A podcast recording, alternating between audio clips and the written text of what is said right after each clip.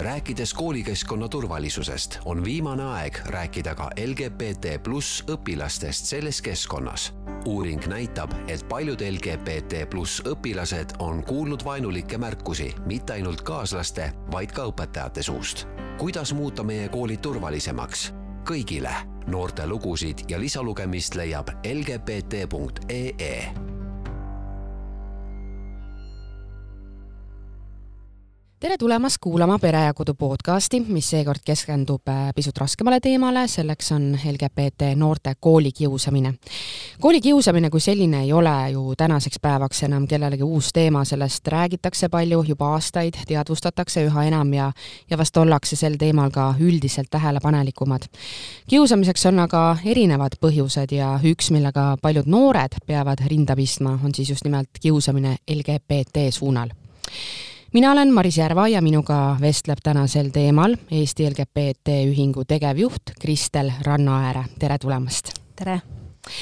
see väljend LGBT, see ei ole väga paljudele inimestele tuttav, nii üllatav, kui see ka mu enda jaoks ei olnud, siis ma rääkisin hiljuti ühe tuttavaga ja ja mainisin talle, et me teeme täna sellisel teemal podcasti ja ja minu tuttav küsis minult, et mis see tähendab ja ma olin isegi täitsa üllatunud, sellepärast et äh, see inimene on, on haritud inimene iseenesest, aga ma ei tea, kuidas see teema äh, on temast siis nagu täiesti mööda läinud, et Kristel, äkki seletad natukene lahti selle LGBT tausta? Mm. -hmm. tõesti, et inimesed, kes igapäevaselt kokku selle teemaga ei puutu, võib see mõiste tõesti olla täiesti uudne, et kui me võtame selle osadeks lahti, et siis ta tuleb tuttav ette.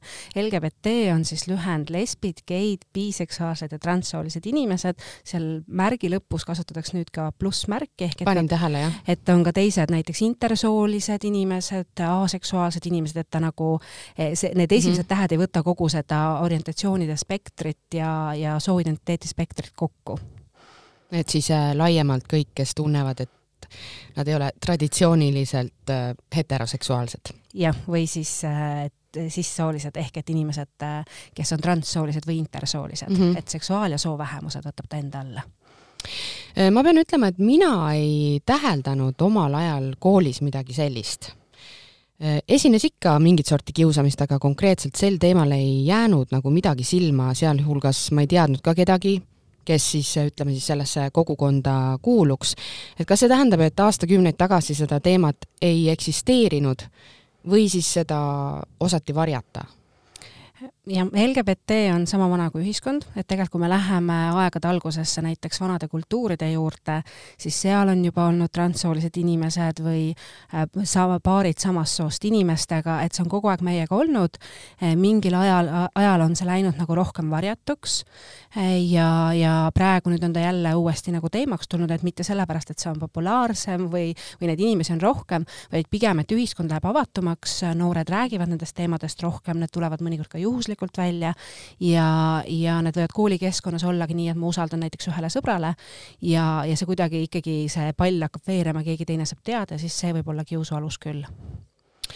Eh, millist elu need noored üldse elavad? Eh, on see, on see kuidagi väga teistmoodi või siis äkki alustame sealt, et, et eh, kuidas üldiselt inimene hakkab avastama enda puhul, et, et midagi on vist teistmoodi see avastamine võib tulla erinevas vanuses, et kui me täna räägime just noortest, see võib alatagi sealt murdeeas, siis kui mul hakkavad tekkima võib-olla sellised esimesed armumised, eh, minu keha hakkab arenema, ma hakkan tähele panema uusi tundeid eh, ja sellega seoses ma märkan näiteks, et oletame, võtame, võtame minu puhul näiteks tüdruk, on ju, et kõik mu sõbrannad on armunud poistesse, minul kuidagi sellist nagu sügavast armumust ei teki, et võib-olla ma siis hakkan märkama või ma vastupidi näiteks armungi tüdrukusse ja siis vaatan, et ohoo, et teised ei armu. Ja siis ma hakkan seda lugu lugu nagu vaikselt endas nagu arendama mm, -hmm. aga inimene võib tegelikult ka viiekümneaastaselt või kuuekümneaastaselt ennast avastada aga, aga koolisituatsioonis siis, et kui, kui noor on selle avastanud ja ta ongi aru saanud, et, et asi on nii, siis kas nad üldiselt varjavad seda või, või, või kuidas see nagu siis niimoodi arenema hakkab? Mm. -hmm. seal võib olla nagu mitmeti, et äh, võivad olla, noh, kõik oleneb hästi sellest, et millisest perest see noor tuleb. et mida toetavam perekond, seda avatum on see noor, seda julgemini ju, julgeb olla tema ise, et küsimus ei ole selles, et ta seda eksplitsiitselt nagu näitaks, vaid just see, et ta julgeb olla tema ise, ta julgeb seda oma sõpradele öelda ja, ja kui teab seda juba rohkem sõpru klassis, siis teab kogu klass ja sealt see võib nii-öelda nagu avalikuks saada. aga kui meil ei ole toetavat perekonda, siis me tegelikult oleme kapis, meie uuringus hästi selgelt tuli välja ka, et kui neid noori kiusatakse just nende LGBT identiteedi tõttu, siis nad, ega nad väga ei taha rääkida, üks on see, et nad äh, ei usu, et õpetaja suudaks midagi teha või nad kas ka kardavad õpetajale öelda. Teine selline hästi kurb protsent on see, et väga paljud ei julge öelda sellepärast, et nad kardavad, et see läheb perekonda. et perekond saab teada, et nii, et tegelikult nad varjavad pere eest, et nad pigem räägivad oma sõbrale ja, ja võib-olla siis sealt kuidagi veel teisele sõbrale, heal juhul mõnele täiskasvanule õpetajale või koolipsühholoogile. aga jah, et tihti perekonnad ei teagi. see on, tundub mulle ausalt öeldes veel kõige raskem koorem, mida kanda, kui sa pead oma perekonna eest midagi varjama või, või sa kardad, et äh, see neile välja tuleb. jaa, see on hästi kurb, et ma olen alati ka mõelnud seda, et et, et milline koorem sellel noorel võib olla ja kuidas see tema tegelikult vaimset tervist mõjutab, kui sa mm -hmm. kogu mhm. aeg pead nagu selle eest nagu seisma, et see jumala eest kuskilt nagu välja ei tule. et äh, siin on nagu üks, me räägime seksuaalset orientatsiooni ehk et suhteid võib-olla lihtsam varjata vanemate eest, aga soolist identiteeti, et kuidas ma varjan, mida ma päriselt tunnen oma soo suhtes ja uuringud näitavad hästi selgelt seda, et et ne, need noored, kes on saanud äh, nii-öelda avatult oma perega rääkida, need on vaimselt tegelikult tervemad. ja teisest küljest ma mõtlen ka vanemate peale, et kui noored nendest nii suurt osa endast varjavad, et kui me mõtleme, kui suur osa seksuaalsus või sugu meist on, siis see tähendab seda, et vanemad ei õpi meid päriselt tundma. et nad, mingi osa nad ei tea, kellesse me armume, millal meie sude, süda murtakse, nad ei tea, mis meiega koolis toimub näiteks, et kas meid kiusatakse sellel alusel või mis muud mured meil sellega nagu kaasa tulevad, aga ka rõõmud. et see ei ole ainult, et kui ma olen LGBT, siis mul on ainult mured, aga kõik see rõõm, mis ka sinna enese avastamise juures, just nagu rääkisime, armumised, asjad, et see kõik jääb ju vanemal nägemata. ja, ja lisaks ju see, et see ei kao kuhugi, et äh, Just. mida vanus edasi, seda rohkem see teema ka mm -hmm. läheb edasi, sest ühel hetkel küsib ka juba vanem, et kas sa ei taha mingit kaaslast äh, Just. kaasa tuua või ma ei tea, millal sa lapsi hakkad saama Just. või ja täpselt, nii edasi ja täpselt, et see jääb äh, kogu elu meiega, lihtsalt nüüd ongi küsimus, et kas ma ühel hetkel suudan seda üldse vanematele öelda, võib-olla ma ei suudagi, onju, et ma olen nii kuidagi endasse kinni jäänud, et ma, mul on üha raskem tegelikult välja tulla, et mida vanemaks ma saan, seda rohkem on mul see mingisugune ajalugu. näiteks, et mu vanemad ongi noh, mida, mida vanem generatsioon toobki huvitavalt välja, et, et kui see viiekümneselt välja tulema, et issand, ma pean ju kõigile, kõik on terve elu arvanud, et ma olen heteroseksuaalne mm. -hmm. nüüd ma pean kõigile vanematel, töökaaslastel, sõpradel seletama, et mis siin vahepeal on siis toimunud. et noorel samamoodi, mida vanemaks ta saab, on ju, seda rohkem seda ajalugu tal tuleb ja seda keerukam võib tal olla välja tulla. jah, nii-öelda siis see kapist välja tulemine, see, see väljend.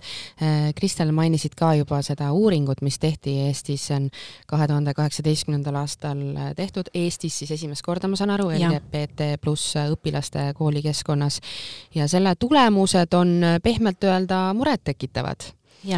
kas ma saan õigesti aru, et põhiprobleem on hetkel selles, et inimesed eh, ei ole lihtsalt teadlikud, seda punkt üks, ja teiseks, eh, mis iganes põhjusel, siis ollakse ignorantsed mm. -hmm. ja, ja seda siis mitte ainult äh, klassikaaslaste või, või sõprade seas, vaid ka seal kooli äh, Äh, personali tasemel, ehk mm -hmm. siis ka õpetajad mm. -hmm. ja äh, tõesti, seal on, see vägivald on väga suur, et uuringust tuli välja et, et kuuskümmend kaheksa protsenti on kogenud vaimset vägivalda, mis on väga suur protsent. et me teame, et Eesti on niigi top top, top kolmes või, või seal ülevalpool kiusu poolest, aga kuuskümmend kaheksa protsenti, see on nagu, see on nii suur enamus. ja, ja me arvame, et seal suuresti on taga see teadlikkuse küsimus, et jälle, kui me vaatame näiteks seda, kui palju õpetajad sekkuvad kiusamisse, siis tegelikult seal oli, kohe ma võin vaadata, kui on homovaenulikud sekkumised, siis äh, koolitöötaja sekkus alati ainult kahel protsendil. jah, et see oli väga väike, see on peaaegu olematu. täiesti olematu, just. see on nagu üllatav see on jah, üllatavalt äh, nagu väike, aga ma arvan, et siin ongi üks see, et äh, noh, mingi, mingi osa jaoks on see teema kindlasti see, et nad ei taha seda teemat puudutada, aga ma arvan, et see on suuresti see, et ikkagi ei teata, ei osata märgata, et me räägime hästi palju kiusust, mis on hea ja me peamegi sellest mm. rääkima, aga me räägime kiusamisest selliselt üldiselt tasandil, et me ei vaata tegelikult sinna taha, et mille alusel see on. ja kui me ei vaata, mille alusel kiusamine on, siis me ei oska tegelikult juhendada õpetajat märkama õiget sõnavara, sellesse sekkuma, märkama seda, mis selle lapsega toimub äh, ja teda ka aidata tegelikult seal välja või ka tegelikult klassile neid teemasid selgitada, sest kui me teaksime, et äh, meil on õpilasi, keda kiusatakse LGBT identiteedi tõttu, siis me tegelikult õpetajana võtaksime selle teema mitte nagu just nagu selles valguses, aga oma tunnis ma räägiksin sellest kui osa ühiskonnast just selle eesmärgiga, et seda kiusu vähendada, meie uuringus tuleb ka hästi selgelt välja, et kui äh, nendest teemadest on räägitud, siis näiteks õpilaskond on oluliselt aktsepteerivam LGBT teemadel mm. -hmm. no ühiskond on noor ja ilmselt need on siis mõnes mõttes sellised nii-öelda arusaadavad äh, kasvuraskused. aga tulles selle uuringu juurde tagasi siis, siis äh, viiskümmend viis protsenti noortest ütles, et nende kaaslased ei sekkunud mitte kunagi, aga kas siin ei või olla see, et nii-öelda rahvasuus levinud äh, sõimusõnad pede, lesbar on muutunud lihtsalt selliseks, sellisteks sõnadeks, mida kasutatakse juba nii laias kontekstis, et noh, sa tahad öelda loll, ütled mm, -hmm. ütled selle teise sõna näiteks, eks ja kõrvalseisjad, kes neid sõnu kuulevad, peavad neid võib-olla niisama üldiseks mhm. selliseks mm -hmm. sõimusõnaks, et nad mm -hmm. ei oska nagu tähele panna, et see inimene, kellel, kelle kohta siis see sõna käib, ta tunneb, et see, et nii ongi, noh mm -hmm., justkui, eks. et äh, kuidas nagu aru saada mm. -hmm. tõesti, ma, me arvame ka, et, et siin on üks osa ongi selles, et see on nii, mingitest sõnadest on saanud nagu norm, et seda kasutatakse nagu käibesõnana nagu muus mm -hmm. eas mööda minnes. et et äh, ja me ei ole tegelikult äh, mõelnud sellele, kui palju selle sõna võib olla mõju, et isegi siis, kui see noh, need sõnad, mis just sai välja öeldud, pede ja lesber, et me mõtleme, et need on nii äh, kasutuses, et keegi ei võta neid isiklikult ja me ei mõtle sellele, et võib-olla isegi kui me teeme kellelegi isikule selle kommentaari, aga seal võib-olla kõrval on keegi, keda see puudutab ja me tegelikult ei saa aru, kui valusalt, et kui tema teekond on raske näiteks, et kui ta peab kõigi ees seda varjama mm, -hmm. et ta on näiteks äh, poiss, kes armastab poisse ja seal kõrval teised naeravad, oh, et sina siin kuskil, hoopis kellelegi teisele öeldakse, öeldakse, et oh, sina siin oled pede, onju, et siis kui palju võib see kõrvalseisja ka tegelikult haiget saada. et me jah, ei oska seda märgata, sest see on nii ühiskonna kuidagi kahjuks normiks saanud mm. -hmm. sellepärast äh, teete tänuväärset tööd et, et, et seda sõnumit levitada, aga, aga tulles korraks täiskasvanute juurde ikkagi tagasi, et noorte osas, noh, ma ei taha öelda, et seda võib nagu mõista, et eks igalühel on erinev lastetuba ja jumal teab, millest kõik need erinevad sellised käitumised tulevad, aga aga täiskasvanute osas tahaks justkui eeldada, et äh, ollakse natuke rohkem teadlikumad, seda enam, kui inimesed töötavad äh, lastega, empaatiavõime võiks nagu ka olla justkui olemas. et selles suhtes tuleb ikkagi üllatusena see sama protsent, et täiskasvanud inimesed siis äh, ei, ei tea sellest teemast võib-olla liiga palju või siis on ignorantsed. aga kas see on seotud äh, põlvkondadega ikkagi? Jaa, eks see kindlasti on äh, mingil määral põlvkondadega seotud just ka see, et äh, kuidas me neid teemasid näeme, on ju, meil on põlvkond, kes on kasvanud üles teadmisega, et homoseksuaalsus on kriminaliseeritud, et järelikult, kui ta on kriminaliseeritud, on midagi valet, midagi, mida ei tohiks olla ühiskonnas, et see põlvkond on äh, tegelikult saanud väga selged signaalid, pluss see, et tegelikult teadus on arenenud. et vanasti me võib-olla arvasimegi, et ongi, et on üks normaalne seksuaalsus, see on heteroseksuaalsus, täna teadus ütleb, et ei, et me peaksime mõtlema üldse seda, kust üleüldse seksuaalne orientatsioon tuleb ja miks on neid erinevaid seal sees, mitte nii, et me keskendume sellele küsimusele, kust tuleb homoseksuaalsus. et teadus on nii suure hüppe vahepeal teinud, et on arusaadav, et kui inimesed on saanud oma mingid teadmised mingis ajas, siis see tegelikult on nagu muutunud ja sul ei olegi otseselt tegelikult põhjust minna ja uurida väikseid teemasid, noh, et miks ma peaksin vaatama, et kust see LGBT siis tuleb või mis see täpselt on. aga õpetajana tegelikult samas jälle võiks eeldada, et me teame, et mul on need õpilased koolis olemas, et siis ma võiksin justkui tegelikult minna nende teemade juurde ja vaadata, vaadata, on ju, mis vahepeal teaduses on toimunud, et millised arengud ja millised soovitused ja kuidas üldse käsitletakse seda teemat. jaa, aga, aga, aga lapsevanemad ma lugesin seda uuringut natukene ja, ja üldse neid kirjeldusi selle teema kohta ja hästi palju jäi mulle silma just, just vanemate seas olev ignorantsus. kas siin on nüüd mõeldud siis konkreetse noore vanemaid, kes justkui ise ka natuke ei taha näha või siis kuidagi lihtsalt mingit juuresolevat lapsevanemat noh, klassi kontekstis? Äh, ja on nii ja naapidi, äh, me tõesti viimastel aastatel oleme näinud äh, meedias paari juhtumit, mis koolis on tulnud just selle LGBT identiteedi tõttu ja tõesti on lapsevanemaid üha rohkem. ma ei saaks öelda, et neid palju on, ega me, meie, meieni muidugi kõik juhtumid ei jõua, aga ikkagi neid vanemaid on rohkem. ma just koolitasin õpetajad, kes ütlevad ka, et kui nad kirjutavad noh, sinna e-kooli või stuudiumisse, et nad on nüüd andnud tundi sel teemal ja siis on ikkagi lapsevanemaid, kes tulevad ja mitte lihtsalt ei ütle, vaid elavad ennast seal mõnusalt nagu välja, kommenteerides siis kõik nagu kõik need head sõnavarad sinna juurde, et lastevanemal on, ma saan aru, et ühest küljest ma loodan, et see on seotud sellega, et ka hirm on ju, kui me nendest teemadest räägime, et no äkki siis midagi juhtub, on ju, mis seal ikka juhtub, laps hakkab ise ennast avastama. et see teema ei ole vajalik mitte LGBT noortele ainult, vaid üldse noortele. tegelikult uuringud on hästi selgelt näidanud, et kui me räägime LGBT teemadest, siis on kasulik kõigile õpilastele. ühest küljest see, et meie ühiskond muutub avatumaks, teiseks see, et see inimene ise saab hakkama avatud ühiskonnas, kui me mõtleme, kui mitmekesine on meie ühiskond täna ja kui sa ei saa seda avatud õpet, et sa ei ole avatud teiste erinevate vähemusgruppide suhtes või sellise mitmekesisusgruppide suhtes, sul on endal raske. kuidas sa lähed töökeskkonda, kui on inimesed, keda sa justkui ei enam, ei ole tolereerinud või sind ei ole õpetatud arvestama sellega. ja, ja teisest ka veel üks aspekt on juures, et kui noor ennast avastab seksuaalse ja soo mõttes ja kui me anname talle signaali, et mingisugune asi ei ole okei okay sinu arengu juures, noh, minust nagu hea näide on on näiteks, kui äh, poiss näeb unes, ähm, et ta suudleb teise poisiga, tal tekib see hirm, et oh, nüüd ma olen äkki homo, sellepärast ma nägin unes, aga see ei tähenda mitte midagi, see, see, see, mis unenägu sa näed, ei defineeri sinu orientatsiooni, aga sellel noorel tuleb väljast signaal, et see ei ole okei. Okay,, ehk et tema areng, loomulik areng jääb mingist kohast justkui kinni. et tegelikult, kui me räägime, et kõik on okei okay,, siis noored saavad ennast julgelt äh, avastada, saavad teada, kes nad on, et me ju teame, et mida rohkem inimene teab, kes ta on, seda tervem ja õnnelikum ta on. jaa millised on äh, tagajärjed, kui, kui on nüüd selline kurvem äh, olukord, ongi inimene, noor, kes ei saa rääkida oma vanematele, kes äh, kogeb koolis kiusamist seetõttu, jäi mul ka silma selline selline nüanss, et äh, olgu võib-olla mõne puhul sa juba näed, et või noh, sa saad aru võib-olla üht-teist, aga aga on ka neid, kes on vaiksed, tagasihoidlikud, sa, ei saa üldse nagu mitte midagi aru, eks, et nagu sa mainisidki, et võib-olla ta kuulab seda sõna, eks, põhtähega sõna näiteks, mida öeldakse hoopis kellelegi teisele, ta võtab seda ise nagu vaikselt hinge, et äh, millised on tagajärjed, kui, kui sellega ei tegeleta, kui seda ei märgata? Äh, me uurisime kahtepidi, me vaatasime, mis on selle kiusu mõju ja me vaatasime ka seda, äh, kuidas, äh, kuidas on üldine mõju, kui koolikeskkonnas on need teemad nagu räägitud, et kas nad on õppekavas sees või kuskil eeskirjades ja hästi selgelt tuli välja see, et näiteks, et depressioon on ligi kakskümmend protsenti madalam, kui näiteks tunnis nendest teemadest räägitakse või enesehinnang on kakskümmend protsenti kõrgem. oluliselt vähem puudutakse koolist, minnakse edasi õppima, nii et sellel on tegelikult mõju kohe selles hetkes, tulevikus kui ka tegelikult selle noore tulevikus. Ja kui me tahame nagu ühiskonnale laiemalt vaadata, siis ka ühiskonnal endal on jälle mõju, on ju. et kui need noored kukuvad välja haridussüsteemist, tööturult, siis see on ju meile kõigile eh, selles mõttes üks mure juures, millega tulevikus tegeleda, aga kõige tähtsam on ikkagi juba selles hetkes, et see noor tegelikult on murtud. Ja, ja minu jaoks oli üllatav, oligi see, et see protsentide vahe ei ole nagu mingi natukene, mõned protsendid, vaid peaaegu kakskümmend protsenti eh, madalam on depressioon, kui, kui teatakse näiteks õpetajaid, õpetajaid, kes, ähm, kes on LGBT teemadel aktsepteerivad, piisab ainult ühest õpetajast.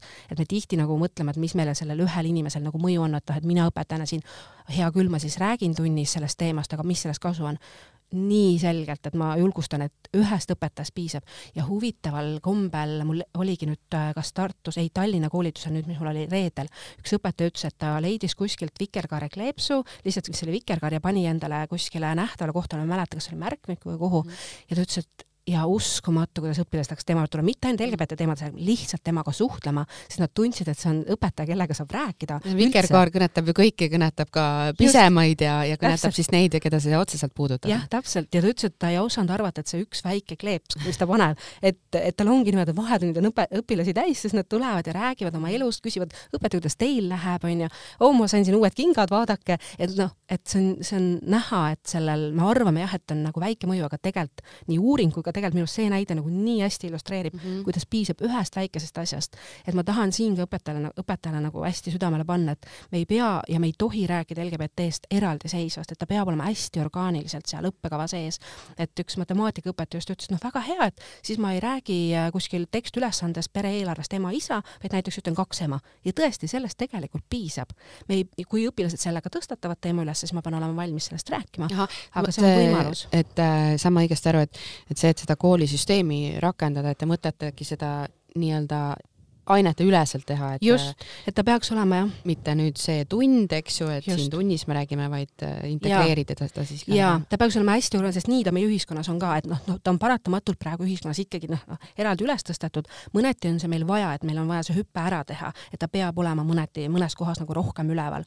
aga üldiselt jah, tegelikult ta peaks olema selline, et ma äh, räägin inimeseõpetuse tunnis äh, seksuaalsest arengust, räägin seksuaalsest orientatsioonist ja ma räägin sellest mitmekesisust tegelikult, kui mitmekesine see orientatsioon ikkagi on ja, ja me oleme hästi harjunud, et on, et lihtne on rääkida inimeseõpetustunnis, aga võtame ajaloo.